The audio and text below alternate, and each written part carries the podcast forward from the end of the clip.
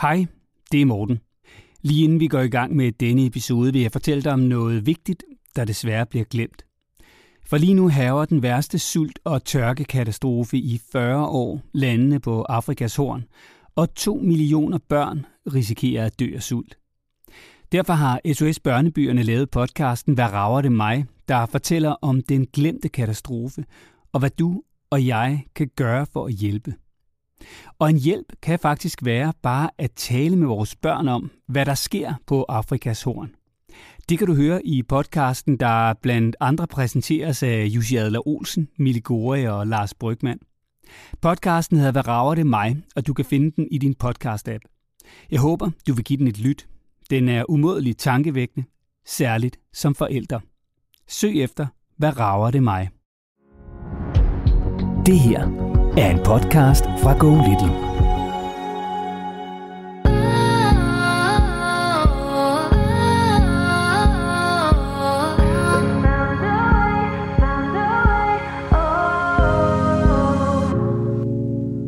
Vi har en øh, datter, der sådan helt kort fortalt øh, slet ikke lige kan overskue at være væk fra sine forældre. Og hvordan reagerer hun, når I afleverer hende i skole? Så begynder hun allerede søndag, og det er med at gå rundt og sige, jeg ved ikke, hvad der skal ske, eller jeg vil ikke, eller jeg kan ikke, og hun skriver beskeder, øh, mit hjerte er gået i stykker, og mit liv er forbi, og tegner hjerter, der er knækket. Hun er bare på konstant overarbejde, fordi hun følsomt tager alting til sig, og hun kan ikke sortere det, det kommer ind, og hun bliver påvirket af det. Og grunden til, at hun beder om hjælp gennem, det kan vi ikke vide, men jeg tror, hun beder om hjælp igennem ved at sige højt til sine omgivelser, jeg er bange for at miste jer. Det er ikke det, hun er bange for at miste jer, det er det, hun er bange for at stå alene lige nu med alt det, der gør rigtig, rigtig svært for hende.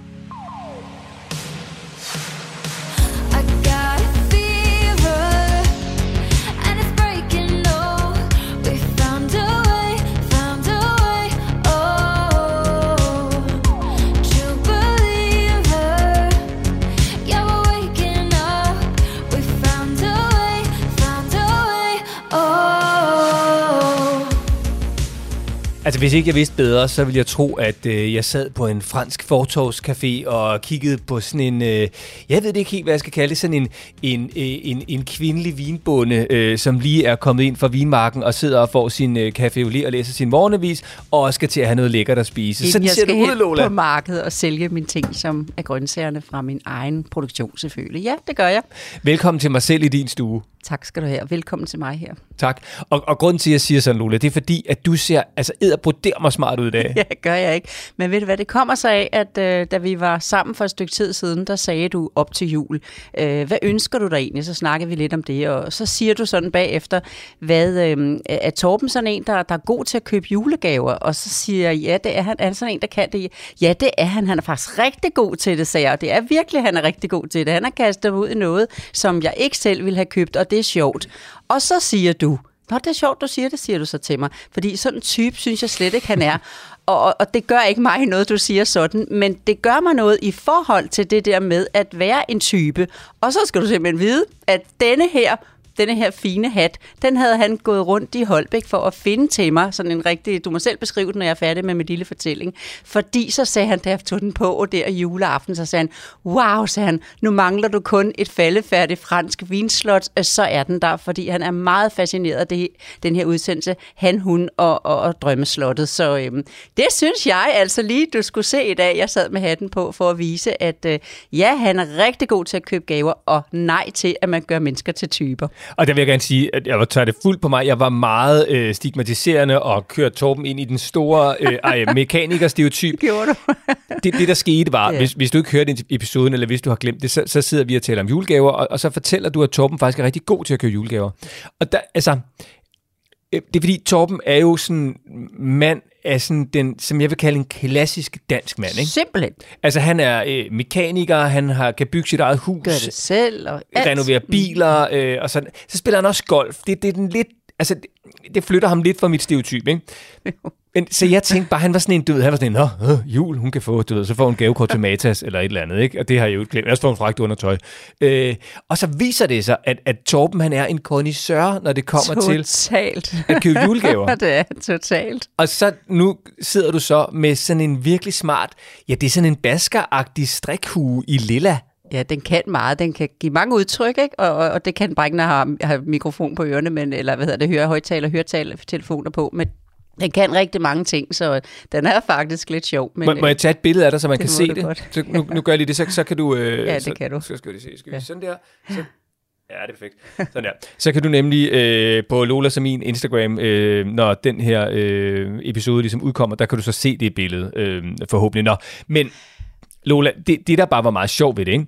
det var jo, at jeg, øh, jeg kunne godt se, at vi snakkede efterfølgende, også når vi sidder her i dag, lige se, hov, det er jo egentlig rigtigt det der med, hvor sindssygt kasset øh, vi egentlig tit ser mennesker. Ja, og det var det, jeg lærte. Det er en af de gode ting, jeg lærte dengang på familiekurset, at jeg aldrig måtte på forhånd, altså uanset, og det skal du vide gennem årene, altså uanset hvad sagsbehandleren eller hvem det nu var, jeg skulle ud og holde, øh, for, møde en familie, jeg skulle aldrig nogensinde tænke på forhånd, nå, om de bor i sådan en type boligblok, så jeg skal nok regne med, aha, og hun er nok alene mor, så det er sikkert, når har hun tre børn, og de er nok sikkert hver deres far. Sådan var det rigtig, rigtig meget, og det er det altså stadigvæk, og det kunne du jo høre på det med, med, med, med julegaven den dag, vi var sammen. Det er rigtig meget sådan, at man i dag tænker om, om, tvillinger, hvad for en tvilling er A og B, altså mm. hele den der snak, og der er ikke en A og en B, der er tvillinger, der er to A'er, hvis vi, vi endelig skal give dem et bogstav. Det findes så mange steder, og jeg har gjort op med det, alt hvad jeg kan. Altså det her med, at det er en tude Marie, det er en kloge Åge, det er en, det er, du kender selv at spørge Jørgen. Nej, det er et nysgerrigt barn, ikke? Altså det er et barn, der er hvidbegærligt, det er, der er ikke, det er et barn, der bliver ked af det, hvordan kan vi hjælpe til? Jeg kan bare slet ikke have det, og jeg kan simpelthen stå nogle gange, og så kan jeg faktisk lytte på nogle øh, mm, kvinder. Jeg har aldrig hørt mænd gøre det her, det skal du vide. Jo, det der med hugen den dag, men ikke i en daginstitution. Altså, jeg har sådan tænkt på derhjemme, kan sådan to mødre stå og snakke om med, i garderoben, sådan lige i nærheden, at hvis der skal være noget med det der ADHD, så må det da være sådan en som Frederik, ikke? Og så peger de hen på et barn, der ikke engang er deres eget. Jeg siger også til min, at han skal holde sig sådan lidt, fordi sådan nogle typer skal han jo ikke være sammen med. Og jeg kan bare sige, at jo mere lov, du giver dit barn til at være sammen med mangfoldigheden, det større chance er der for, at de kan finde ud af at handle med kineserne, når de bliver voksne. For det er det gode ved, at man er sammen med mange forskellige. Ikke at man skal blive slidt på det, vel? Men at man simpelthen oplever at se mange facetter, se mange forskellige personligheder, for det breder jo kun ud. Det er jo ikke to år, jeg taler om. Men lige så stille i små portioner lærer, at, øh, at, at verden skal ikke begrænse sig i typer. Jeg kan bare slet ikke have det, men du må godt sige det den dag. Det tror jeg mig ikke af, men jeg vil gerne bruge det i dag med min fine nye julegave på hovedet. Men det, men det er meget interessant, fordi vi gør det jo også i forhold til vores børn, og det er jo også derfor, at den her snak er vigtig, øh, inden vi øh, hopper til Elena, som vi skal ringe til om lidt, og vi skal også have, have mad, fordi der står faktisk noget, der faktisk godt kunne altså, blive serveret på sådan en fransk fortorvscafé, eller sådan i sådan et bunde øh, øh, samfund et eller andet sted, sådan nede i noget vinmarks Frankrig. Ikke? Øh, det skal vi nok vende tilbage til. Men, men lad os bare lige øh, holde fast i det her, Lola, fordi vi, vi er slemme til at putte øh, mennesker i kasser, og måske særligt børn i kasser. Og, og det er måske rigtig godt lige at få sådan taget hul på det at finde ud af, hvordan bliver vi bedre til det. For eksempel Sofia, min datter, som du sådan øh, øh, øh, godt ved en hel masse om, og, og sådan kender og sådan, øh, hun, er, hun er ni år, øh, og hun er jo kæmpe fodboldnørd. Øh, hun, det første, hun gør, når hun står op om morgenen, det er, at øh, hun tager pandebånd på. Øh, det er altid det samme. Det er sådan en Nike-pandebånd øh, på sit lange, lange hår. Og så tager hun en eller anden fodboldtrøje på. Jeg tror, sidst vi talte, var, havde hun over 50 fodboldtrøjer i skabet. Ikke? Hun går kun i fodboldtrøjer. Hun spiller fodbold, øh, spiller håndbold øh, og ja, er kæmpe sådan sportsfreak. Det, der så er sjovt, når vi så øh, er ude nogle steder, så, øh, så tror folk altid, de omtaler hende altid som en dreng. Mm. Fordi hun går i fodboldtrøjer, og hun har langt hår pandebånd på. Det har piger jo ikke. Så hun er jo en dreng, og vi, det eneste, der faktisk er en fordel ved det, ikke, det er, at nu hun er blevet så gammel, så, så det ikke sådan altid er sådan komilfor, at hun kommer med ind på drengetoilettet. Men hun kan ikke så godt lide at gå alene ind på pigetoilettet, hvis nu er vi et eller andet sted hen, hvor det bare er mig og hende, for eksempel. Og vi er tit på Brøndby Stadion, Altså fodboldkamp. Øh, og så når hun så skal ind på herretoilettet, det er jo det gode, det er, folk tror det er en dreng, og så, kalder, så, hedder, så har vi ligesom aftalt, at når hun skal med mig på herretoilettet, så hedder hun Sofus i stedet for Sofia. Øh, og så kalder han Sofus, og så kommer hun med det hen, og så går vi ud og, og forklarer det, man nu skal klare, så kommer hun ud igen, og så folk bare tror, at det er jo en dreng, fordi det er jo en i fodboldtøj og med langt hår pandebånd. Ja, og det, nu du er ved fodbold, så kan jeg huske min den mellemste, da han spillede fodbold, at han var rigtig god til at spille fodbold, og han havde så sådan et langt page, altså helt herned, skulderlangt hår, og spillede Mikkel Hansen hår. Ja, og lige præcis, ikke? Og, og så øh, og, og frisøren synes, han gjorde det rigtig fint med velplejet og så videre. Jeg kunne jo høre, at der var mange piger, og sådan, så familievejleder, moren kunne ikke gøre så meget ved den frisyr. Så havde han sådan et, et, et Kina-tørklæde rundt, som netop din, altså bare ikke som pandebånd. Det løb han så med at spille. Når han lavede en takling, lavede et eller andet, så fik han rødt kort. Den dag, han blev klippet, Morten, han har ikke fået et rødt kort siden. Fordi dommeren så ham som en provokation, så når ja. han lavede den takling med den frisyr og med det pandebånd på, så var han ekstra provokerende, og så fik ja. han rødt kort. Han fik ikke et bagefter. Det var så tankevækkende, så også forældrene rundt om, vi, stod simpelthen, vi talte om det, hvor, hvor, øh, hvor tydeligt det var. Og det er jo særligt, og i forhold til børn er det jo også måske særligt øh, udtalt desværre i forhold til, hvis man har en anden hudfarve end sådan vores klassiske leverpostej, eller hvis man, som du selv siger, øh, måske bor i øh, en boligblok eller sådan et eller andet, ikke? så er man sådan meget hurtig til at blive stemplet som et barn med måske nogle udfordringer, eller kommer sikkert også fra en knap så ressourcestærk familie. osv. Men det er alle vejen, det her. Altså, Men hvordan, hvordan, altså, hvad er ligesom det gode råd til? Fordi jeg kan jo også tage mig selv i det. Jeg tænker jo også de tanker. Jeg kommer også til, altså i forhold til mine egne børn, Emil, som interesserer sig for rummet og er sygt klog og, og så videre, så videre, men som også går til elitegymnastik tre gange om ugen, han er ligesom, han er nørden i vores familie, ikke?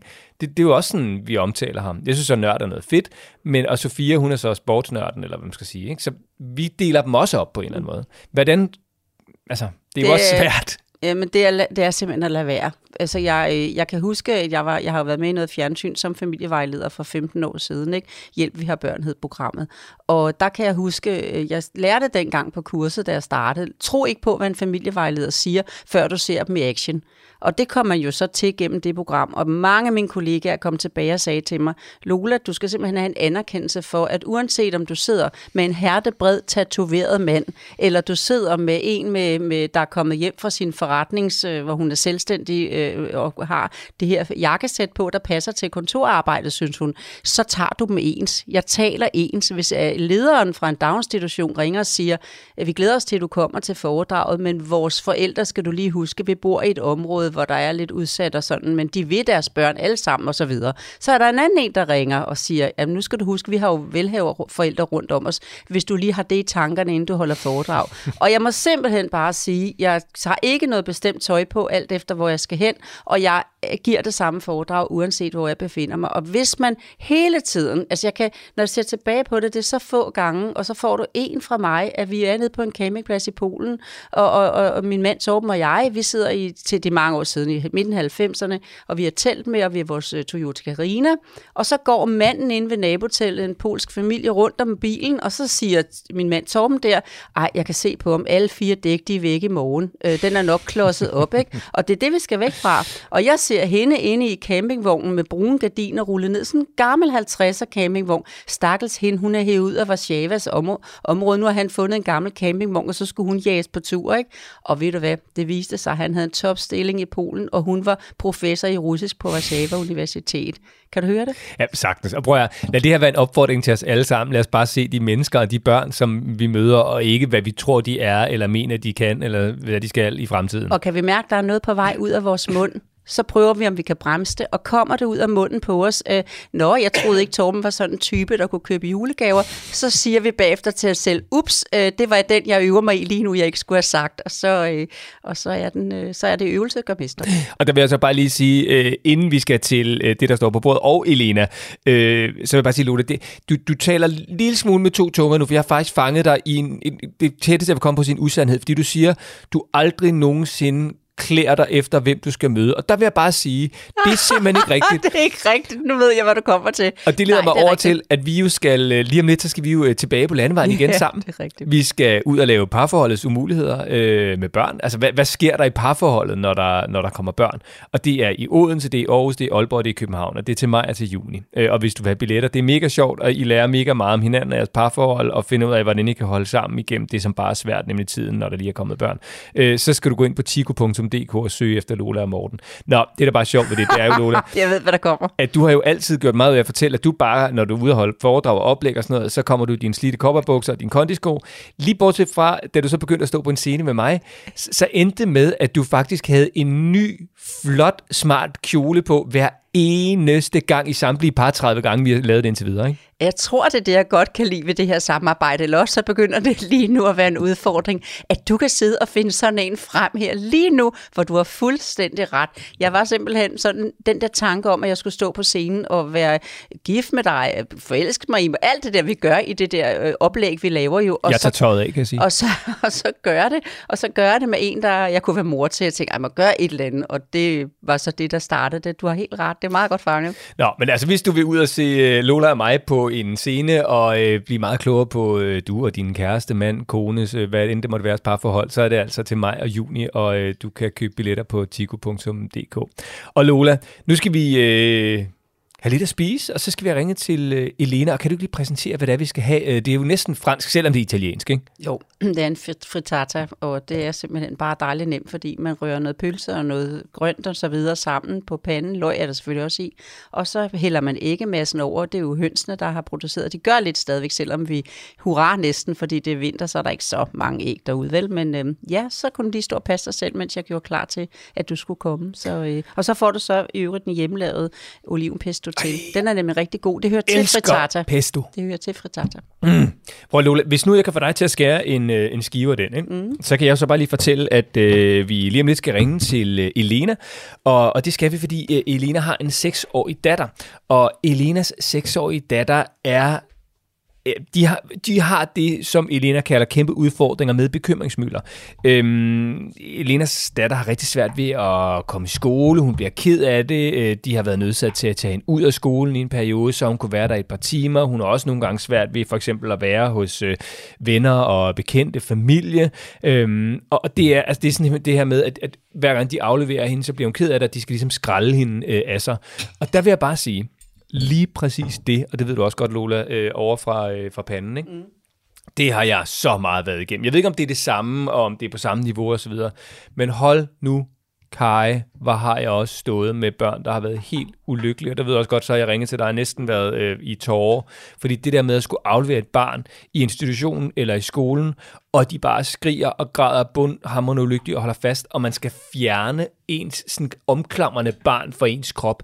Det er så fuldkommen forfærdeligt. Så, så øh, altså, jeg forstår Elena 120%. Jeg ved præcist, hvad det er, hun øh, i hvert fald til dels går igennem. Øhm, det kan godt være, at der er nogle nuancer i problematikken, som er anderledes, men, øh, men vi har været der, Lola, sammen, ikke? Jo, og øh, du har givet, altså, givet nogle oplæg og tanker på det, og jeg har så givet dig noget tilbage, som gør, at du har kunne vente sådan så, at du øh, øh børnene er kommet videre derfra med din hjælp. Ikke? Og det, der også er så spændende ved den her snak, vi skal have med Elena i dag, det er, at hun har hørt en af de andre episoder, hvor vi er rigtig meget inde på det, og så har prøvet sådan, hvor er vi så i forhold til det der, men synes, at der skal være noget supplement, og det glæder mig faktisk til at give hende. Nu skal vi ringe til Elena. Velkommen sådan for alvor til en episode af Lola og Morten.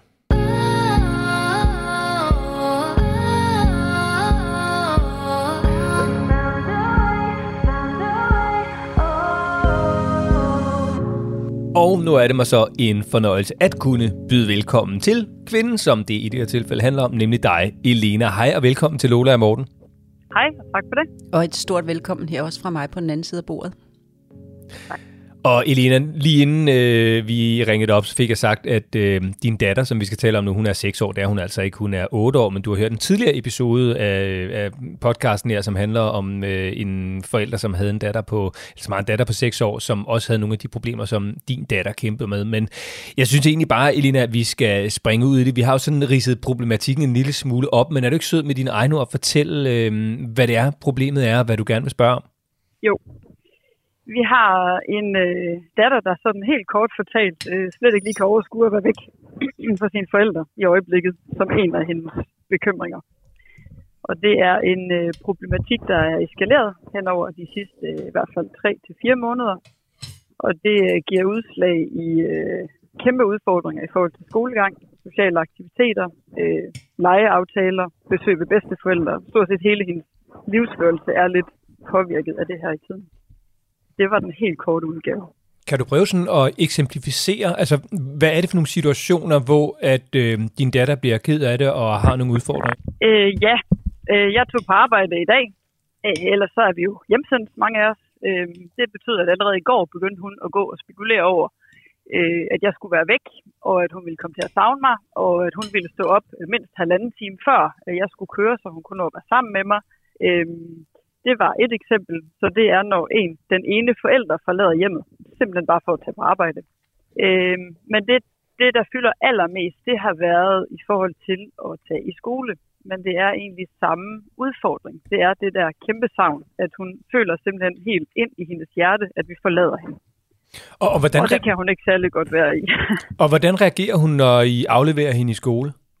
Altså, øh, det har været lidt atypisk selvfølgelig, fordi der var hjemmeskole op til jul og alt det der, men, men inden øh, nedlukningen, der har det været, øh, hvis det har været for eksempel en søndag, hvor hun kunne se, okay, pokkers, nu er weekenden ved at være gået, så begynder hun allerede søndag. Øh, og det er med at gå rundt og sige, øh, jeg ved ikke, hvad der skal ske, eller jeg vil ikke, eller jeg kan ikke, og hun skriver beskeder, øh, mit hjerte er gået i stykker, og mit liv er forbi, og tegner hjerter, der er knækket. Øhm, det er søndag aften. Søndag morgen, eller undskyld, mandag morgen øh, kan hun alt lige fra mm, at løbe rundt i huset og græde og gemme sig i skabene øh, og, og gentager de samme ting. Jeg kan ikke, jeg vil ikke, jeg kan ikke, jeg vil ikke. Øh, men beslutningen er, det skal hun. Så, øh, så det er nogle gange med ikke så fine metoder, men med den her, nu er vi på vej ud i bilen, nu kører vi over på skolen, og så har vi jo selvfølgelig også haft møder med skolen i det her forløb. Og aftalen er, at øh, vi mere eller mindre kan gå ind og aflevere vores barn og sige, værsgo, og så piller vi os af, og så går vi igen. Øhm, men når vi gør det, så er hun jo fuldstændig skrækslagen. Hun, har, hun græder, hun er panikslagen, hun, er, hun har angst og lyser ud af hende, øh, og kan slet ikke overskue øh, det der farvel. Så derfor så gør vi meget kort proces.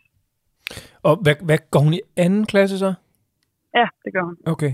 Og hvordan, altså, hvad, hvordan har du det som mor, når, når det sker? Altså, når du skal aflevere din datter i skole, og du sådan skal skrabe hende af dig, og hun bare skriger og Ja. er ked af det. Ja. Jeg har det da fuldstændig forfærdeligt. Det er der, der overhovedet ingen tvivl om. Øhm, og så tager jeg en tudetur i bilen, ringer til manden og siger, åh, det gik jeg helvede til i dag. Og, øhm, og så prøver jeg selvfølgelig også at finde øh, trøst i, at når hun så er blevet afleveret, når vi er kommet over det der, så kan hun godt være i skolen. Altså hun går ikke rundt og er ulykkelig i fire eller fem timer. Øh, det ved vi. Øh, men det er heller ikke alting, hun er med til over i skolen. Øh, og så har hun bare fået lov til lige at trække sig fra de ting, der måske lige trigger lidt. For eksempel når de er forsamlet hele skolen, og der er mange mennesker omkring hende, det kan hun heller ikke for godt være i. Men det er altså pissehårdt, det er der ingen tvivl om. Og vil du være, Elina, grund til, grund til Ja. undskyld, hvad sagde du, undskyld? Ja, det er fordi, man er jo så magtesløs. Altså, vi aner jo ikke, hvad vi skal gøre for at hjælpe hende ud af det. Nej. Jeg, jeg vil bare sige, at grunden til at spørge, Elina, det er sådan set ikke for at få dig til at beskrive din øh, dårligdom, og hvor forfærdeligt det egentlig er at føles. Det er bare fordi, jeg ved præcis, hvordan du har det. Jeg har været igennem nøjagtigt det samme. Altså ikke måske ja. helt på samme niveau i forhold til at skrive sædler og bruge øh, sådan dage og timer på og, øh, og, og være ked af det, inden man skal afsted. Men, men det der med at have et bundulykkeligt barn, øh, når man afleverer og skulle skrabe af og gå ud af døren, mens der bare er et barn, som altså, rækker armen ud efter en, mens barnet skriger, og man bare tænker, jeg er verdens dårligste forælder, hvorfor skal man overhovedet Ja.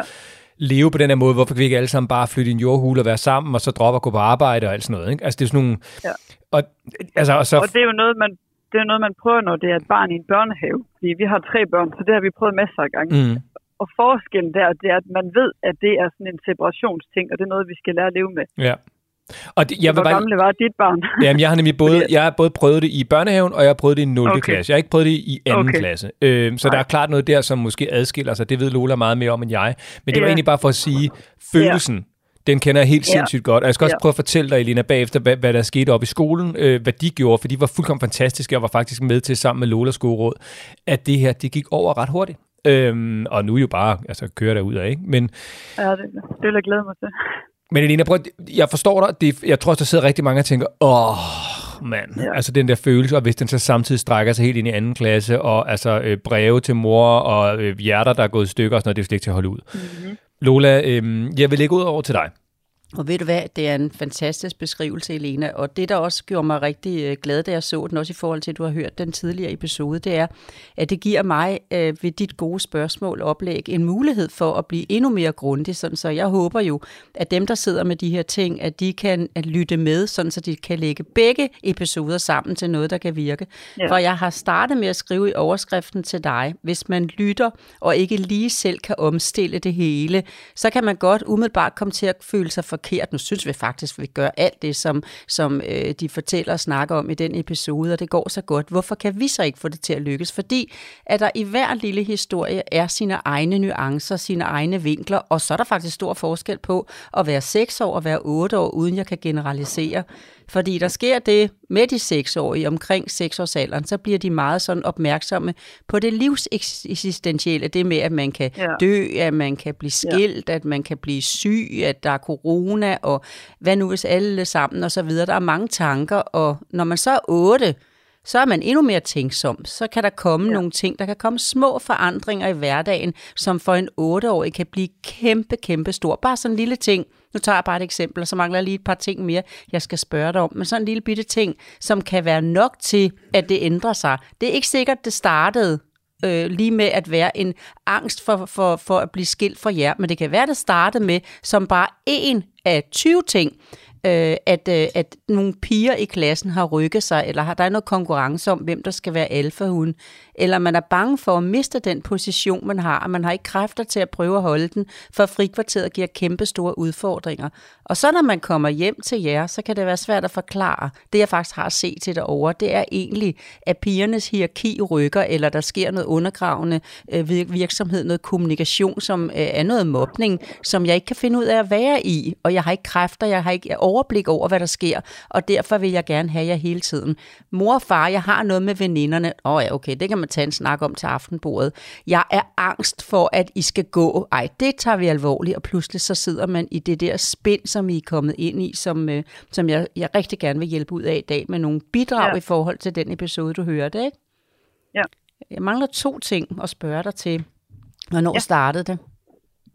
Altså, øh, det vi står i lige nu, det er ved at være 3 til fire måneder siden. Det er ligesom eskaleret.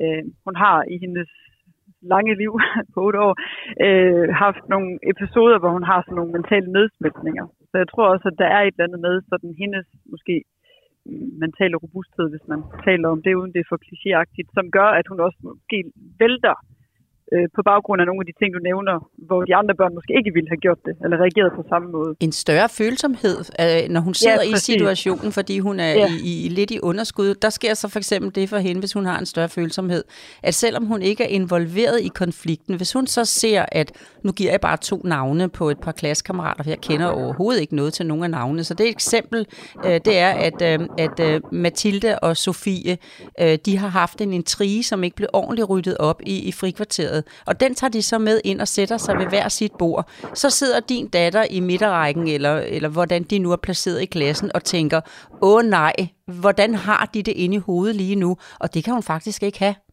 så sidder hun og får lyst til at løse det for dem. Det er bare en af rigtig mange ting.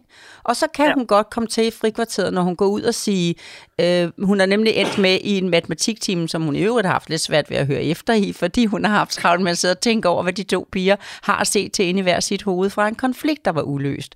Og så tænker hun, jeg synes faktisk, jeg har mest ondt af Mathilde i den her situation, for det var jo egentlig Sofie, der startede. Kan du godt høre, hvor mange kræfter hun ja. bruger nu? Og så synes Jeg hun, kan hun skal gå ud fortælle dig, hvad de to veninder hedder. Altså, det er fuldstændig spot on, det der. Okay. Ja. Og så synes hun, hun skal gå ud og gøre sig gode venner med, med Mathilde, fordi at, eller ligesom give hende lidt ekstra, fordi hun synes, det var mest ja. synd for hende, for Sofie startede. Med det resultat, at Sofie øger sit pres, fordi hun er bange for at blive hægtet af, at Mathilde, din datter, skal blive for meget øh, et, et par, sådan så at hun bliver hægtet af. Og så kommer der lidt ondskabsfuldt fra Sofie til din datter. Altså, for sådan er børn. Og det har alt det her er endt i noget, der nu kan udvikle sig. Og hvis andre lytter med, så er det også vigtigt for mig med den her episode, den sidste, som du hørte med på at sige, at vi hjælpes ad i dag med, at det her, det skal lykkes for dig. Men skulle det nu sætte sig fast, den angst vokser og vokser, så skal man bede om hjælp. Ja. Så skal der noget hjælp i din nærhed. Så skal vi ikke klare det igennem en, en, en podcast her nu. Så skal, der, så skal I bede om hjælp. Men I kan godt, otte år gammel, den opmærksomhed, den omhyggelighed, du og din partner har i den her situation nu. I kan godt prøve, og, og I skal nok lykkes. Jeg ved, jeg har nogle gode redskaber til jer, men, øh, men det skulle jeg lige have på plads. Og så skal jeg lige Ja. være sikker på én ting mere. Øh, du har faktisk skrevet det, men jeg bliver nødt til at spørge dig selv, at I har prøvet at gå igennem, om der er noget, der har forandret sig. Er der noget, når du kigger hendes liv 360 grader rundt lige nu her, og du ikke har så lang tid til at, at tænke over det og svare? Det kan godt være, du kommer i tanke om noget i morgen, ikke? men lige nu, når jeg spørger dig, er der noget, hvor du tænker, øh, vi skændes lidt mere? Øh, Den ene søskende har fået et, et, et, et handicap, som gør, at, øh, eller en udfordring med noget, som gør, at vi har måske ikke været opmærksom på hende, eller, eller øh, hvad- min virksomhed er ved, eller hvad nu, eller vi er lidt for travle, eller vi går op med byggeplaner. You name it. Jeg spørger, er der et eller andet, der har forandret sig, som har, har ændret jeres familiesystem, eller ændret hendes liv? Altså, vi har jo brugt de sidste 3-4 måneder på at gruble over det her, fordi det er jo noget af det første, alle folk spørger om. Nå, hvorfor tror du, det er blevet sådan? Øh, og vi har ikke kunne identificere en enkelt udløsende faktor. Altså, det er, der er ikke, vores livsvilkår har ikke ændret sig. Øh, skulle man pege på noget, så kunne det være noget med en øh, relation, der havde været i, i et brud, eller en klassekammerat, hvis forældre var blevet skilt, eller men det kan jo være alt, lige noget, hun har set i fjernsynet. Det kan være en konflikt Alt. af den her type, Mm. som du eksemplificerer. Ja. Vores altså, Jeres familieliv er ja. sådan dejligt liv på agtigt Oh, I hvert fald, hvad vi selv tror, ikke også? på Ja. den måde. øh, så, så vi har ikke kunne finde, fordi Sådan. det er jo, man går jo i fixe mode. Altså, kan man nu lige finde ud af, hvad der er sket, så kan vi jo tage hånd om den ene ting. Ja. Sådan føles det bare ikke lige. Nej. Så er der en lille ting, som jeg så rigtig gerne vil øh, starte med at lægge ud med, fordi selvom du er rigtig god til at skrive, at I faktisk også præsterer det der med ikke at gøre det til noget, I taler om hver dag, så er jeg jo alligevel nysgerrig på, hvordan kan hun vide dagen før, du skal på arbejde? Hvordan kan hun vide om søndagen, at sådan ser dagen ud? Er det hende, der spørger, eller er det jer, der siger det? Øh, ja, godt spørgsmål. Det er jo fordi, vi har været nødt til, øh, nødt til at øh, fordele vores hjemmearbejdsdage, øh, så vi har kunne tage os af det her barn, som ikke har været i skole fuldtid. Øh, så hun har jo hele tiden haft brug for at vide, hvem er det, der afleverer mig, hvem er det, der henter, og hvem er det, der så ikke er hjemme, eller er hjemme begge to. Øh, så derfor, i går var hun jo også i gang med at sige, hvem er det så, der er hjemme i morgen? Øh, hun bliver lige hjemmeskolet i dag, der er noget corona og bla bla bla. Øh, men det er hende, der spørger. Så det er hende, der ved, det er hende, der spørger dagen før, hvad skal I i morgen? Hvem skal passe mig? Ja. Okay, Ja. så, så, har jeg, så er jeg egentlig så er jeg hele vejen øh, rundt i, min, i alt, hvad jeg kan gøre lige nu her i telefonen for at opklare de ting, som kunne, kunne, kunne hjælpe til det bedste svar. Men den udvidelse, fordi hun er 8 år gammel, og fordi der er nogle ting, hun skal præstere. Jeg vil godt komme med et øh, rigtig godt visuelt øh, redskab, som jeg har brugt i nogle familier. Hvis du, øh, du vælger antallet af puslespilsbrikker, men du går ind og tager med tre børn på matriklen, så har I et puslespil, som egner sig rigtig godt til det her. Øh, på bagsiden skriver du så nogle af de der ting, som man skal præstere, når man, er, når man er, går i anden klasse. Øh, altså, du ved, man skal gå i skole, øh, man, man skal, ens mor og far skal, skal, man skal præstere, man kan gå på arbejde, man skal gå til en sportsting om ugen. Øh, du kan selv vælge, I vælger sammen, uden hun er med. Øh, og så skriver ja. du på bagsiden med en tus, øh, eller sætter en label på, hvis du ikke synes, du vil, vil, øh, vil gå glip af, at det kan bruges til noget andet, og ikke skal sidde der hver gang hele I tager fat i det her ting. Og det var den gang, ikke? Men, men ja. i hvert fald så sætter du en eller anden tekst på. Øh, kan du følge mig i, hvad jeg tænker? Ja. Okay, Ja. så siger du til hende, altså så, er der, så kan du også lægge et 500 brikkers puslespil og 1000 brikkers puslespil ved siden af, men du tager et overskueligt et på, på, på 40-50 brikker max, ikke? Og så siger du, jamen når du så engang bliver voksen og sådan noget, så hvis du har lyst, så kan du vælge, at det skal være 1000 brikkers puslespil. Men lige nu, når man går i anden klasse, så skal man kunne præstere og magte de her brikker. Men, øh, men det har du ikke, øh, der er du ikke nu. Øh, fordi den der, du skriver hernede, når du bekymrer dig for meget i at gå ind i den der, så kan du gøre. Altså, der sker bare det, både når man snakker for meget med dem, men også når man ligesom siger, ej, prøv at høre her, der er ingen grund til at være bekymret, når vi går på arbejde, for vi kommer jo hjem igen. Det er også at snakke om det, for så sker der bare det, og hun er nødt til at pusse sig op. Kan du se det? Ja. Det er også snak. Du er god til at skrive. Ja. I snakker ikke om det, hun er bange for, men I gør det alligevel, fordi når hun så siger, jeg er bange for, at du ikke kommer hjem. Nå, men jeg kommer hjem. Du er helt, prøv nu at gå ind og læse i bogen. Hvad bekymrer du dig for? Altså, hvad er det, du bekymrer dig for meget om? Ikke? Og så, hvad kunne ske, og hvad var det værste, der kunne ske? Og når det bliver taget på den måde, at man også går ind i det, så kan hun godt komme til at sige, så bliver jeg simpelthen nødt til også at være bange for, at jeg må have mit hjerte med i det her. Jeg bliver bare nødt til, du kan jo blive kørt, tænk, du kan blive ramt af en bil, og så vokser det bare hos hende. Hvis du nu forestiller dig, at I sidder søndag aften, øh, det er altså et rigtig godt redskab, jeg har prøvet det rigtig mange gange. I viser hende, hvilke brækker man skal kunne klare, når man, er an, når man går i anden klasse. Det er det her, at man cirka har lært. Hvis det er et lille barn, kan, kan du sige til din datter, så er det 3-4 brækker, man kan magte. Helt lille ny 0 brækker, og så vokser det lige så stille. Du, du bliver nødt til at lige være, være, være lige helt konkret med de der brækker, Lola. Mm. Altså, hvad, hvad er det, der skal stå på dem? Hvad skal der være på dem? For eksempel de ting, øh, Elena, som hun har øh, øh, som udfordringer lige nu, det her med at gå i skole, det med at, at, at, at lave en legeaftale, det der med sport, øh, det med at, øh, at øh, kunne gå hjem fra skole, hvis I bor trafikmæssigt godt for det, det med at I går på arbejde, giver endelig jer selv en brik hver der. Det skriver I simpelthen på som noget, man godt kan magte, når man går i anden klasse. Og, og så er mit spørgsmål jo så bare, altså, øh, risikerer man så ikke at, at puste til alt det, som hun føler, hun ikke kan? så trækker man det nemlig ned og siger, men ved du hvad, min egen dejlige, du skal simpelthen kun præstere nogle af dem. Øh, det, der sker lige nu, det er, at der er mere pres på, end du kan magte. Men det er det her, man skal kunne, men det kan du ikke. Sådan så, at vi viser dig, at de her brækker her, det er sådan søndag aftensnak. Det, der sker i denne her uge nu, det er, at vi skal hjælpe dig med, at ikke alle brækkerne kommer i spil, for det er mere, end du kan magte. Kan I følge mig? Sådan så hun vælger, og der er t- nogle af brækkerne, Elena, dem kan hun ikke selv vælge. Det er blandt andet at gå i skole. Sådan så, at det at Ja. gå i skole, det skal hun klare. Det, at I skal afsted på arbejde, det skal hun klare. Så dem har I valgt for hende. Men prøv at se her nu, vi presser dig ikke mere. Men i denne her uge har du muligheden for at vælge en af brækkerne til. Hvad skulle det så være for en, hvis du skulle vælge en brik til? Og så skal hun hver uge ligesom øve sig i, hvilken brik hun har lyst til at tage med. Og så kan hun jo lade være at gå til en sportsaktivitet. Hun kan lade være at gå til en legeaftale eller have en legeaftale. Men der er noget, hun skal præstere. Og hvis ikke hun kan præstere det, så er det ikke hende, der er forkert. Så er det opgaven, der er for stor, og så skruer I bare ned for den næste søndag. Men I viser hende, i stedet for at alle brækkerne, i, i, hvis I kan følge mig, Morten og Elena, alle brækkerne er for hende lige nu i spil.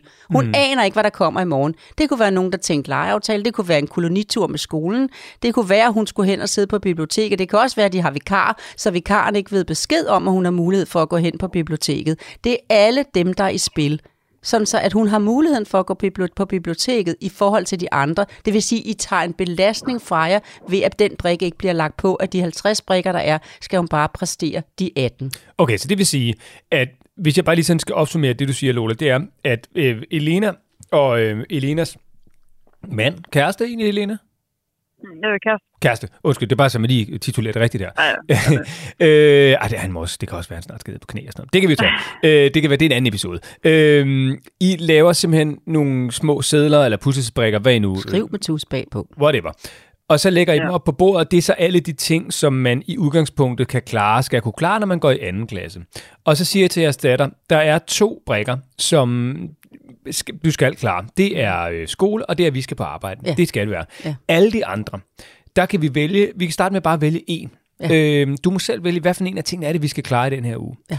Og så er det så det, I kører efter. Og så beskytter vi dig på alle de andre, at du ikke bliver presset på dem. Det, hvis der er nogen kommer og spørger, om du vil lege, så siger vi, den er ikke lagt på i den her uge. Og så er det rigtigt nok, Lola, forstået, at så øh, ugen efter, så kan det godt være, at det er den samme brik, der kommer på igen, fordi Simpelthen. det stadigvæk er svært. Eller den bliver halveret. eller bliver halveret. Hun har retten til at lave den om, hvis den var for stor. Hun må bare ikke røre ved de to, øh, altså skolearbejde. Eller tre, Eller Elena. nu Det, måtte kan være, der er tre eller fire. Jeg kan ikke lige øh, gennemskue jeres hverdag, hvad det er. Men det er i hvert fald skolen og det, I skal på arbejde lige nu, der gør indtryk på hende. Har jeg ikke forstået det ret? Øh, jo, det er i hvert fald øh, altså, det, der fylder mest. Ja. ja. Så, øh, okay, så, og, så det kan godt være, at man skal skrue op. Det er ikke en ny ting på hver søndag. Nej, nej, overhovedet ikke. De ting, hun skal klare, det er skolen, og I skal på job. Og hvordan, hvordan ja. I tale sætter øh, Elina og Elinas kæreste så, øh, hvis det ikke lige bare kører fra starten af, og når de skal aflevere ned i børn eller i skolen og skal på arbejde osv.? At hun er, som hun skal være, fordi hun har en udfordring her, men I er til for at hjælpe hende, og så skal I ikke gå så meget mere ind i den. Og så, øh, det, undskyld, Og det gør. I ikke i forvejen. Det er I rigtig gode til ikke at gøre. Men bare ikke det der med, at øh, hun, hun spinder, når hun siger, jamen hvad nu, hvis du ikke kommer hjem? Jamen hvad nu, hvis det er... Hun ved, de to brikker, dem skal I nok passe rigtig godt på og magte og hjælpe hende med. Men de andre, dem vil I godt aflaste hende for, så hun kan få ro til at blive god til de to. Der er stadigvæk lige to enkelte spørgsmål, jeg lige skal helt på det rene. Så øhm, det her møde, helt konkret, mm. søndag.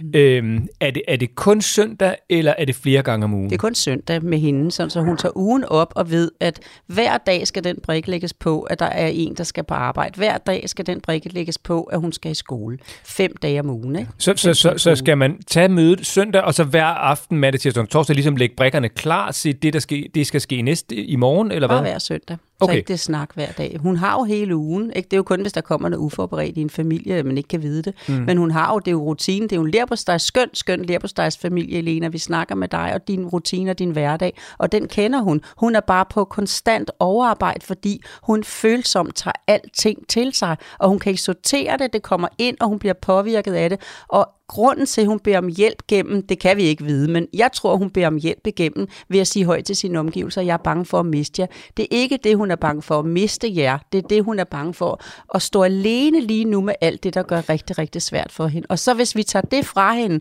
og viser hende, I gør det visuelt og viser hende, det er det her, du skal magte, alt det andet beskytter vi dig imod.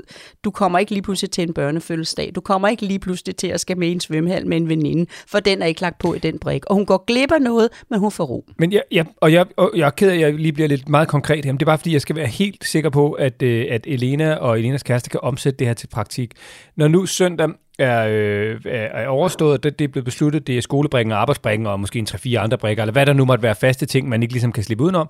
Øh, og så er der en brik ekstra, lad os bare sige, det hedder en tur i svømmehallen, eller legeaftale, eller fritidsaktivitet. Mm. Det er jo så kun én gang om ugen. Så, så helt konkret, altså, hvordan skal øh, Elenas datter så vide, hvornår den brik ligesom kommer i spil? Lad os nu sige, at Elenas datter går til svømning om onsdagen, for eksempel. Ikke? Jamen, hvad gør hun, Elena? Hvad gør hun lige nu?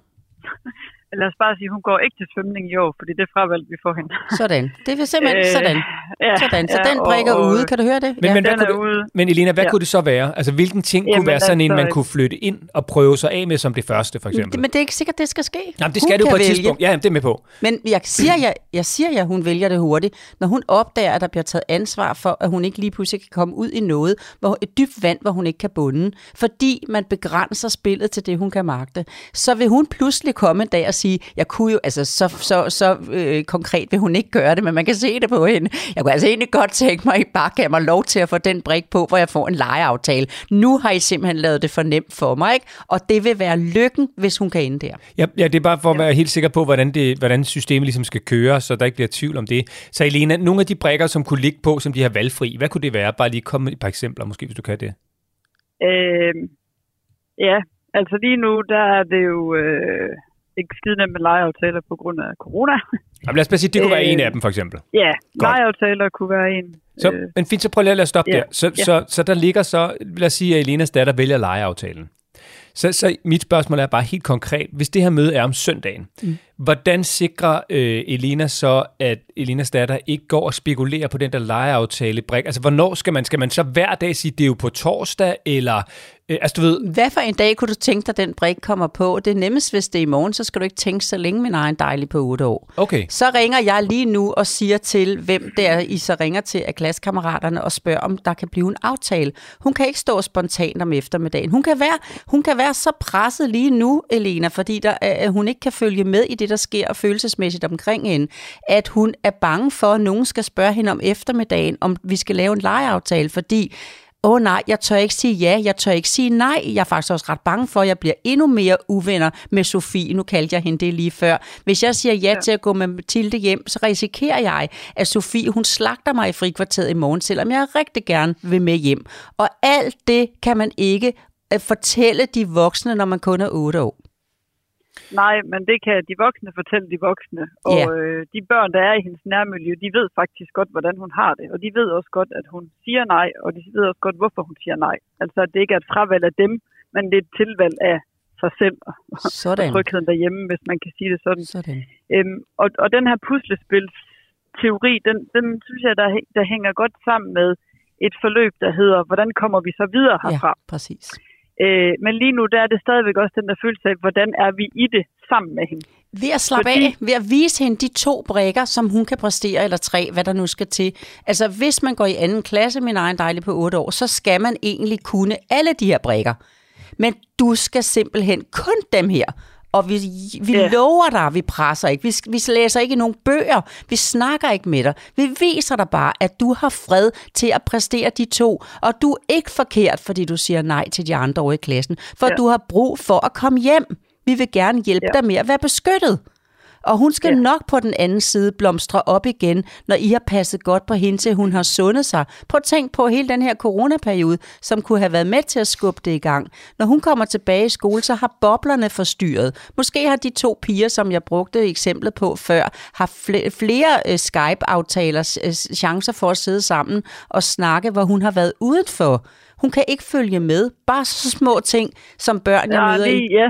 Ja, Lige, lige den der, der er det faktisk den måde, hun har legeaftaler på lige nu. okay. Det er Øh, da en- det er okay. via Snapchat, eller hvad de Ja. nu snakker sammen. Og, og, og, og det, det fungerer faktisk rigtig fint, fordi der er hun jo hjemme og Sådan. kan vælge til og fra og tage den, Ja. eller lade være med at tage den. Ja, så vis hende, så vis hende, at det er en brik, og der er en brik mere i at tage, øh, kan man sige, når nogen henvender sig, og man så ligesom siger, jeg er hjemme. Det er jo en brik i ja. Sig selv, men også retten til ikke at tage den, fordi man er optaget, eller retten til at lære at tage den og sige, jeg skal lige til at se en film sammen med min mor. Altså sådan beskytte. Ja. sig selv og lære hende at passe på sig selv. Hun vil virkelig blive lettet. Det, der sker for forældre i dag, er bekymringen over, at barnet ikke er som alle de andre, gør, at det kan hun mærke. Hun kan se, at hun kigger på en katastrofe, når hun kigger på sine forældre. Nu har forældrene været bekymret i tre måneder. Hjælp, hvem skal hjælpe mig ud af det her, når min mor og far er så... Jeg har, jeg har skadet dem så meget i min særhed, at de er blevet helt forkommende at se på. Altså, det er øh, den stærke, øh, den stærke styrke skal være hos jer, og I skal begrænse det og vise hende, vi passer på dig, men de her to brikker skal du klare. Men de andre, dem ja. Skal vi nok beskytte dig imod. Ja, altså det jeg stadigvæk er mest sådan usikker på, det er nu ligesom den tidligere podcast, hvor man sådan kunne sige, at jeg er lige her til at hjælpe dig. Mm. Ja. Når det er, at bekymringerne er et savn, altså det, hvordan taler man så med hende? Eller skal man heller ikke tale om det? Nu kan du... Øh, Nej, nemlig, for så er, så er spændet ja. derinde. Ikke? Så er spændet derinde. Hvis du for eksempel ja. Du går ind på værelset og siger, øh, inden hun skal afsted, nu skal du lige have fyldt depotet op, så vi to vi kan klare os, til vi skal ses igen. Ikke? Kram, kram, mys, Ja. mys, mys, mys, kram, Ja, kram, kram, mys, mys, mys, mys, mys, Ja. og så laver lidt, lidt øh, ikke ironi, men lidt god positiv humor med ja. Hende omkring det. Ja. Øh, så kan hun mærke, æh, mor altså. Ikke? Det første, du gør, når du ser hende, når du henter hende, det er, "Åh, altså allerede her, er du klar over, prøv at kigge på klokken, jeg er et kvarter før på den, er det ikke godt gået, bum, så er den ikke. Altså sådan, så du følges med hende, ikke at lave sjov med hende, men viser hende al respekt for, at du har det sådan. Og high five giver du hende, når hun har, har præsteret de der fire timers fravær. Ikke? Øh, øh, når sad du på biblioteket i går? Hvem kom forbi? Hvilke, hvilke folk var over og, og, og låne nye bøger? Aha, nå, så mødte du dig lige, i stedet for, når, hvad, hvad, hvad, lag, hvad sagde læreren, da du så sagde? Sådan, ja. Så det kommer væk. Og det er, kunsten er ikke at ned, ned, nedgøre det, kan man sige. Og kunsten er ikke at overdrive det, fordi begge dele får det til at vokse. Altså jeg vil sige, den bog, vi startede med at læse der, da det begyndte at brænde på, det var sådan set lige så meget også for os selv at forstå, hvad det er på spil. Ja. Fordi vi havde nogen, der sagde til os, det er aldersbetinget. Der var nogen, der sagde, det er en fase. Andre sagde, hej uha, det er også sådan her, det starter, når man sådan rigtig får angst, og det bliver noget klinisk, og uha, uha. Så, så også for ligesom at forstå, hvordan er det, man taler om de her bekymringer. Og, og vi har valgt sådan en, en meta-metode, altså at hendes bekymringer, den kalder vi hjernemobberen, det er sådan en monster, der sidder på hendes skuldre. Mm. Så jeg kan også godt finde på, for eksempel fra morgenen af, eller i går, ja, du må ikke tage på arbejde hjemme. Det skal jeg, og din hjernemobber skal ikke have lov til at beslutte, om jeg må tage på arbejde. Vi ses, når jeg kommer hjem. Ja, du er altså ret god. Altså, mm. jamen, er det en metode, som Ja, du er. også tænker, der giver mening det, i det ja, her? Ja, det er det. Drille, drille, den der drille. Jeg kan huske, jeg kan give dig et eksempel. Hvad var det nu, den hed, den der morgen? Det kan være, at du kan hjælpe mig. Kan du huske den der mo, molo, mo, der får rundt på nettet og, og skræmte børnene? Mo, mo, det hed noget med mo. Nå, fire bogstaver. Øh, er der er nogen, der sidder derude nu og siger, jeg kan hjælpe dig, Lola, for de kan Momo? huske den. Mo- Momo. Momo Ja, jeg hed også Momo. Okay, Momo Ja. selvfølgelig, ja, Momo. øhm, og mit øh, ene barnbarn var kommet forbi øh, sådan en, øh, og det er i hvert fald ikke lige det barnbarn, der skal komme forbi sådan en, som så var kommet. Hun, hun havde det sådan lidt, hun søgte, hun søgte det, fordi hun var bange. Så hun gik lidt efter det, selvom hun var bange. Og så begyndte hun at blive rigtig bange for det der Momo-monster der, ikke nu? Og så. Ja. siger jeg så til hende en dag, da vi sad her, nu skal jeg sige dig. Og så lavede vi simpelthen, jeg lavede sådan en, en, et billede af, af, af sådan en inde i midten, som vi sådan lege, legede den nok så ud. Og så skal- tog, gik jeg ind og, og, og printede ud af hele familien, der stod og råbte, kan du så gå ud af Sofies, øh, og så videre, bum, bum, bum. Og så laminerede jeg det for at vise hende, at det her, det er simpelthen en mummuskrammer, jeg kan godt love dig. Så, øh, og, og så sagde hun, da hun gik, jeg lægger den under min hovedpude i aften, når jeg skal sove. Og der lå den i, det ved jeg ikke, en halvanden måneds tid, og der har ikke været noget siden. Ja, super. Altså, Elina, jeg, jeg vil bare sige, at det der med kortspillet, der, jeg synes, det lyder som et helt vildt godt, konkret råd. Øhm, Men men, det bliver visuelt. og det bliver visuelt. Jeg, jeg, vi har ikke øh, været igennem det kortspil der, fordi vi havde ikke et, en udfordring i, på det alderstrin og, og, på, Og på det niveau. som, på det niveau, som, som I havde øh, og har. Men, men det, jeg fik fra Lola, var den der sikkerhed. Altså det var det der med i virkeligheden bare at være helt sikker, selvom man var ved at eksplodere indeni. Så, så, så måtte jeg bare ikke lade den der øh, eksplosion ligesom komme til udtryk, eller på nogen måde få min søn eller min datter til at se den. Øhm, så det var noget med aflevere lynhurtigt. Jeg lavede en aftale med læreren, siger, nu skal du høre, vi har lige brug for lidt ekstra hjælp her. Det var fantastiske ja. Dorte i 0. klasse øh, på Helsing Realskole på det her tidspunkt. Fuldkommen, altså usammenlignelig øh, lærer. Virkelig, virkelig fantastisk. Nå. Så vi jeg simpelthen aftale med Dorte om, når vi kommer ind ad døren, så er det bare lige op og få fat i hendes hånd, øh, og så er det bare farvel og hej hej, og vi ses senere, og øh, ud af døren.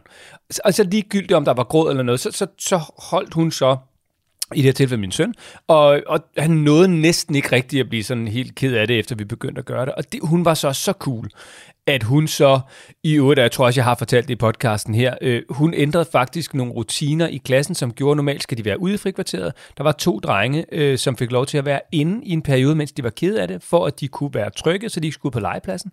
Og så flyttede hun faktisk sin frokost ud, da de så skulle ud på legepladsen, og begynder ligesom at komme ud med de andre børn, så flyttede hun skulle sin frokost fra lærerværelset ud øh, i, i sådan et eller andet fælleslokale, op ad en rode, så de kunne se hende. Så sad hun der og spiste, så var hun ligesom i nærheden, og det var så step 2 til, at de så kunne komme ud, og så til sidst, så var de jo bare derude alene. Ikke?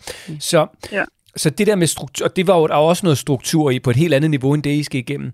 Men det kombineret med sikkerheden for mig, som jeg virkelig tror måske var det allervigtigste, det var, at jeg ikke gik ind og sagde, Nå, ej, det kan jeg også godt se, at vi må også prøve at se, hvordan kan vi løse det, og hvad nu hvis vi gjorde sådan her, og, og hvordan havde du det så der? Bare sådan helt, prøv, ja, og jeg kommer igen i morgen, eller og jeg er der igen i aften, eller vi ses om lidt, eller hvad søren det Men det er det, der er, det er det, der er, at det er altså også fantastisk, når man møder sådan en lærer, og det er det, de skal have en hyldest, og det er det, der er så fantastisk ved, ved dit oplæg, Elena, det er, at I har allerede den opbakning på skolen også, Ja, som du refererer til. Jeg synes, det, det, det skal være en hyldest nu, at dem, der godt lige vil flytte deres frokostpauser, dem, der godt lige vil gøre det ekstra, fordi selvom man kan sige, at det er en investering, at man ikke taler med kollegaer i en periode, fordi man skal holde sin frokostpause i nærheden af børnene, men det er ren gevinst for børnene, får en helt anden ro, når de skal gå i skole, når de kommer godt fra start. Og det er en hyldest, men det er også til dig, Elena, fordi I allerede, alt det her nu, som Morten lægger op til, han gjorde, det gør I allerede. Det kan jeg simpelthen bare høre. Ja. Men der ligger lige den der lille, der ligger den der tilbage, at I alligevel kommer i gang med at snakke med hende om det i forhold til, jamen jeg kommer jo hjem, jamen hvad, fordi altså den der, øh, øh, når du bekymrer dig for meget, har fået sat jer i bekymringen alligevel, og hvordan skal vi tale med hende om, når hun så udvider? Jeg har styr på det, skal du være god til at sige. Ja. Det, det ordner sig. Du skal bare klare de to brækker, så hjælper vi dig med, at de 38 andre, eller hvad for et puslespil I nu har valgt, at dem skal du ikke magte lige nu, øh, selvom man kan det, når man går i anden klasse, så skal du have ro. Og vi kommer ikke at bede dig om at lægge ekstra brækker på, for nu skal du bare øve dig i de her to. Ja. Hun skal aflastes. Ja. Hun ved ikke, hvad der kommer. Hun aner ikke, hvad den næste børnefødselsdag, eller den næste eftermiddag, eller det næste frikvarter byder hende. Og hun har ikke mod på at være alene i det. I kan i øvrigt ved siden af, skal jeg sige, så kan I tegne med hende. Jeg har nogle oplæg på min, på, i min Lola Jensen app. Der har jeg lavet nogle videoer, hvor jeg bedre illustrerer det. Øh, Der kan man tegne. Man sidder med hende sådan en rund cirkel. Her er din klasse, men hun må ikke mærke, hun må ikke mærke at, at, at der er noget, I ligesom får at undersøge, hvad det kan være med hende, for så blokerer hun. Men, men hvem bestemmer, øh, hvem snakker mest i klassen? Hvem går i, altså hvem er sammen med hvem? Og så er det jo de der piger, de er øh, hold 1A og 1B og 2A og 2B og så videre. Og det er meget tit, bliver det opklaret, at det er sådan noget, det handler om, at hun kan føle, at hun kan komme udenfor og ikke høre med i et fællesskab, og det er hun hunderad for at være i, så derfor vil hun gerne være i nærheden af jer. Ja. Elena, hvordan, hvordan lyder det her med helt praktisk at øh, prøve at indføre den her øh, søndagssnak, hvor I lægger et puslespil over ugen, der, øh, der kommer som et meget sådan, konkret, håndgribeligt råd til at komme i gang med at ændre nogle vaner, som ja, måske er, er ved at blive sådan Kan tage til nu. fastgroet, ikke? Kan tage til nu, Ja. ikke? Kan, kan Ja, virkelig løbe ja. løbsk, ikke? Altså kan tage til nu. Øh, og I kan sagtens bremse det nu så godt kørende i jer med gode tanker og med god struktur og med opmærksomhed på den gode måde. Det er I er rigtig gode. I er rigtig gode allerede, så det er synd. Det, det sidste kommer med her nu i forhold til positiv retning. Hvad, hvad, Ja. tænk, hvad tænker du om det, Elena? Øh, altså, ja, som jeg også sagde før, så tror jeg, at det er en god måde at, hvad skal vi sige, at komme videre på. Altså, jeg føler stadigvæk, at vi, bortset fra, at ting og hjemmeskole og corona lige nu er jo dejligt. Hun elskede jo, at vi skulle hjem. Mm. øh, og det tog også lige en, en hurdle for os, ikke at skulle aflevere hende i skole. Øh, men når vi skal til at have koblet et normalt liv på hende igen, så synes jeg, at det her det giver hammerende god mening. Altså at sige, okay, der er de her to ting, det er det, vi skal hver uge. Men jeg kan også godt være lidt usikker på, altså, hvordan tager man højde for dagsformen? Fordi Altså- det kan jo godt være, at hun sidder søndag aften, og så vælger hun en brik, der hedder, at den her uge skal jeg besøge min farmor. Altså hun har jo slet ikke engang kunne være alene ved sine bedsteforældre. Det er jo vanvittigt at forestille sig. Ja, og du Øh, har, du men at har, du så- øh, ja, du, du vælger den nu, men du skal vide, Ja. at, øh, at øh, så laver du en aftale med farmor, og heldigvis det gode ved farmor er, at hun godt tåler afbud. Ja, For- men hvis nu, at så dagsformen for en legeaftale med en pige fra klassen, eller naboen, eller whatever, at den så er okay, hun er god, og vil mega gerne det om fredagen, skal man så bare sige nej? Eller? Ja, det skal man nemlig. Det skal Okay. man. Du, du behøver ikke at bruge Ja. ordet nej, men du skal sige, det skal Ja. jeg mindre om på, det skal jeg mindre Ej, var det godt, du lige fik den med. Det skal jeg mindre om Ja. på, på, på søndag, når vi sidder, at det var måske det, du skulle bytte ud med det der med farmor, men det er rigeligt, min egen dejlig for dig, at du, skal, at du har valgt, at du skal til farmor på torsdag, så det er belastning i den her uge. Men det skal ikke være ja. Med sådan, ja, åh, det Nej, kunne også være ikke. dejligt og sådan noget, men nu skal du høre, vi har jo aftalt, at, at vi skal også op på søndag, så det er bare, ja, og hvor er det skønt, og Ja. ja. ved du hvad, den tager vi med på søndag. Ja, det gør vi, og vi passer ja. Ja. på dig nu, ved at der ikke ja. Ja. kommer for meget, for det er det, du arbejder dig ud af. Og Du prøv at se, skal hvor godt det går allerede. Ja. Ja. Du har allerede lyst til at få en det er hele den, lejeaftale. der skal ind. Det er hele den, der skal ind. Ikke? Og hvis der kommer sådan en seddel, for den kan jo godt komme i løbet af ugen her nu, hvor du så, hvor du så for eksempel, der står, mit hjerte er ved at briste eller et eller andet. Ikke? Ja. Og det er jo en trist en. Det er jo en rigtig, så snakker du Ja, med hende de om, at den er så trist. Den er så... Men hvad kunne man ellers have skrevet? Hvis man gerne vil fortælle sin mor og far, at man synes lige, der er noget nu, der er øv, og brikkerne er lidt presset, så vil jeg egentlig hellere, at der bare... Jeg, jeg sidder lige nu og tænker, så vil jeg egentlig... Og så rejser du dig og laver et skuespil, og så lader du som om, du er hende, der kommer hjem og, ind ad døren og siger, mor, i dag måtte jeg ikke være med, da vi var ude i frikvarteret, og så var det, vi, jeg spurgte, om vi skulle lege, og så sagde hun nej. Det vil jeg egentlig hellere, eller hvad det nu kan handle om. Jeg ved jo ikke, hvad der står, hvad der ligger i den seddel, men sådan vil jeg gerne have haft det. Det gør det lettere for mig at være mor. Så du ikke går ind i sedlen. Men giver hende en chance Ja. for at fortælle, hvorfor hun skrev den. Ja. Som ikke har noget med sedlen og hjertet at gøre. Ja, og lige nu det er det bare skaldbrikkerne. Altså det er Yes. skaldbrikkerne, der, der, øh, der, der, der kræver den daglige energi. Yes. Altså, Og det er også derfor, Øhm. så tror jeg også bare, så tag alt det andet fra hende, øh, og så bare en Ja, enkelt brik på, og lade hende selv vælge den. Og jeg ja. tror også, der sker noget i det der med, når man siger til sit barn, og du må selv vælge på, der er øh, 28 andre, du kan vælge imellem, ikke? Ja. Ja. Du, skal kun, vælge- du må kun vælge en. Ja. Øh, og, Eller nul. Husk, Eller nul. Husk, eller nul. Dem, der er bare dem, der er valgt, der skal klares. Yes. Det var. Ja. det, det tror jeg, og så tror jeg faktisk også, at, at, at det måske sådan lige nu, er også fordi, at hverdagen er lidt anderledes, og corona, og vi skal også lige tilbage og sådan Ja. noget, det måske sådan er redskabet til at begynde med. Og så tænker jeg, Elena, at vi skal sådan relativt hurtigt, når hverdagen er kommet tilbage, øh, ringe tilbage, Meget gerne, ja. og, og høre, hvordan det så er, er gået, om du lige har brug for et ekstra skub, eller øh, tingene går i den rigtige retning. Ja. Hvilket jeg tror, de gør ret hurtigt faktisk, fordi jeg har været noget af det samme igennem, og det, det går, altså når man lige får hul på bylden, så, så Ja, I skal bare præstere og vise, hvad det puslespil med de der 40-50 brikker, eller hvad I nu vælger, 25, det er jeres valg. Så skal I bare vise hende ja. Det her, det er det, man skal, skal egentlig kan, kan forvente af en, der går i anden klasse. Og nu skal du simpelthen have arbejdsro til at, præsent, altså, til at præstere de to, og det skal vi hjælpe til med. Når, når, hvis I får vist hende, hvor meget at hun egentlig er på overarbejde, og hun skal kun nøjes med dem her, I passer på hende for resten, så vil hun simpelthen efter ganske kort tid sådan tænke, ej, jeg vil gerne have nogle flere. Rolig nu, rolig nu. En, du. Nu, skal der ikke, nu går det lige så godt med de to af dem. ja. De skal på plads først, så kan hun udvide. Så hvis, eller når bekymringerne tager over, så skal vi bare vise hende de der to brikker og sige, Simpelthen. Ja. Dem det er den skalopgave. Det går, at du er bekymret om det, men, men det skal man kunne klare, når man går i anden klasse. Ja, de to. Så skal vi nok klar resten. for Ja. dig. Vi passer på dig med alle Ja. de andre. Så ro på. Du skal bruge dine 100% energier på dem her. Og så aflaster vi dig med de andre. Dem skal du slet ikke tænke på. Ja.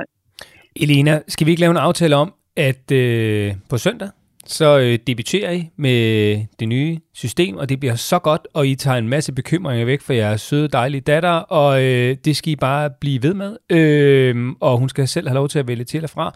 Og så ringer vi øh, sådan i løbet af måske en fire ugers tid eller sådan noget, Ja, det synes jeg. og så høre, hvordan Søren det er, øh, det er gået, og hvor langt det er. Om der er kommet en begyndende lettelse af de to brikker, hun skal klare. De begynder, og, og dem kan hun mærke. at Hun er ikke klar til en ny, men hun er klar til at klare de to, der er, er hendes opgave. Ja. Det vil vi gerne høre. Det må vi Det se. kommer vi til at høre. kan Det kommer vi til at høre. Ja. Det ved jeg. Elena, ved du, hvad du skal gøre nu her på søndag? Øh, ja, det ved jeg. Jeg ved ikke, om det bliver et puslespil, eller om det bliver nogle hjemmelavede brikker. Det må vi lige se til. Det er så fint. Det, det er ja. Praktik, som vi siger hjemme hos os. Det, Ja, må, vi- det, det finder jeg ud af, som det passer jer bedst. Ja, lige præcis. Og, og kan vi slippe dig med, med en smule mere ro i maven, end da du ringede? Øh, det tror jeg lige, jeg skal tykke lidt på. Øh, fordi jeg synes stadigvæk, jeg har lidt svært ved sådan at sige, hvad det, vi gør, når det er bekymringerne tager over. Fordi at hun jo netop bekymrer sig om de der skalopgaver. Men øh, jeg tror, jeg skal lige have lidt tid til at lige at tænke over alt det, vi har talt om. Det, det, det, det er fair nok, du lige skal... Men ja. Det, er altså, det er det der med, at de to skalopgaver, det er de to. Og, øh, og dem, dem behøver ikke gå mere ind i, end at de viser hende. Dem klarer hun selv, og i resten klarer ja. I. Altså, øh, Ja. så, øh, så når I aflaster hende, så, så vil hun, måske kan hun godt, ligesom jeg har sagt mange gange før, at vokse en lille smule. Husk det de første 2, 3, 4 dage, når det nye er, så ja. kan hendes bekymring øges. Men husk, du skal koncentrere dig om de to brikker, så aflaster vi dig på alle de andre. Eller brikker, hvad I nu bruger, ikke også? Øh, Så, så ja. Ja. aflaster vi dig på alle de andre. Og det er helt okay, du har det sådan, og, og du har masser at se til i hverdagen, og du har haft for meget, du har været på overarbejde, og det skal vi hjælpe Ja. tilbage med, at du kan magte det, du har gang i hver dag. Ja. Kun to brikker. Og så Elena, bare, du kan allerede nu begynde at arbejde på sikkerheden. Den kan, I stadig, den kan I allerede få ind nu med det samme, og bare helt kort, og ikke for mange ord, og bare, vi kommer og henter dig igen, ligesom vi plejer, når klokken to, og du får en dejlig dag, og vi ses, min skat. Ja. Ikke Ja. flere ord. Øhm, så Nej. sikkerheden kan I jo allerede nu begynde at, øh, at få ind, og så på søndag, så er der møde, og det kommer til at gå sindssygt godt, og prøv det, fordi jeg ved bare af erfaring, at Lolas råd, de virker. Mm. Så, øhm, Ja. så Elena, Og kun til allersidst, du kan ikke sige til hende, du får en dejlig dag, for det kan jeg ikke vide noget om, hun er på overarbejde. Du kan bare sige til hende, du får en dag, som vi kan stå indenfor. eller vi ses i hvert fald vi 14. ses, ja, det er lige det. Ja. Ja. Det skulle jeg altså lige have lov at Ja. komme ind med. Det bliver godt, jeg ved det, jeg ved det. Du skal bare lige runde Ja. det en gang, når du har lagt på nu, så ved jeg det. Ja, så, og det er ikke noget farligt. Altså, det er ikke noget farligt, hun Nej. har. Det er bare lidt svært lige nu. Sådan Ja. er det. Ja, som er ved at vokse, og det skal stoppes. Elena, tusind tak for et virkelig, virkelig godt spørgsmål. Jeg tror, at rigtig mange i større eller mindre grad kan relatere øh, sig til. Og prøv her, det skal blive rigtig godt, og øh, vi ringer til dig om øh, nogle uger, og så, øh, så håber vi, det er gået meget bedre. Det tror jeg, det er. Og ellers så får du lige et ekstra skub for, for Lola, når vi taler Det sammen igen. Ikke? Ja, men det kommer til at gå godt. Perfekt, du kommer ja. i gang nu, og ikke når først hun er 11, og du har haft været i ventetid, ja. for så sidder det fast. Ha' det rigtig godt, Elena, og tak fordi du øh, skrev til os. Jeg glæder mig til at snakke med dig igen allerede om fire uger. Sådan. Tak for det, Ha' det godt. og rigtig god dag til jer. Tak lige måde. Hej. Hej hej. Hej hej.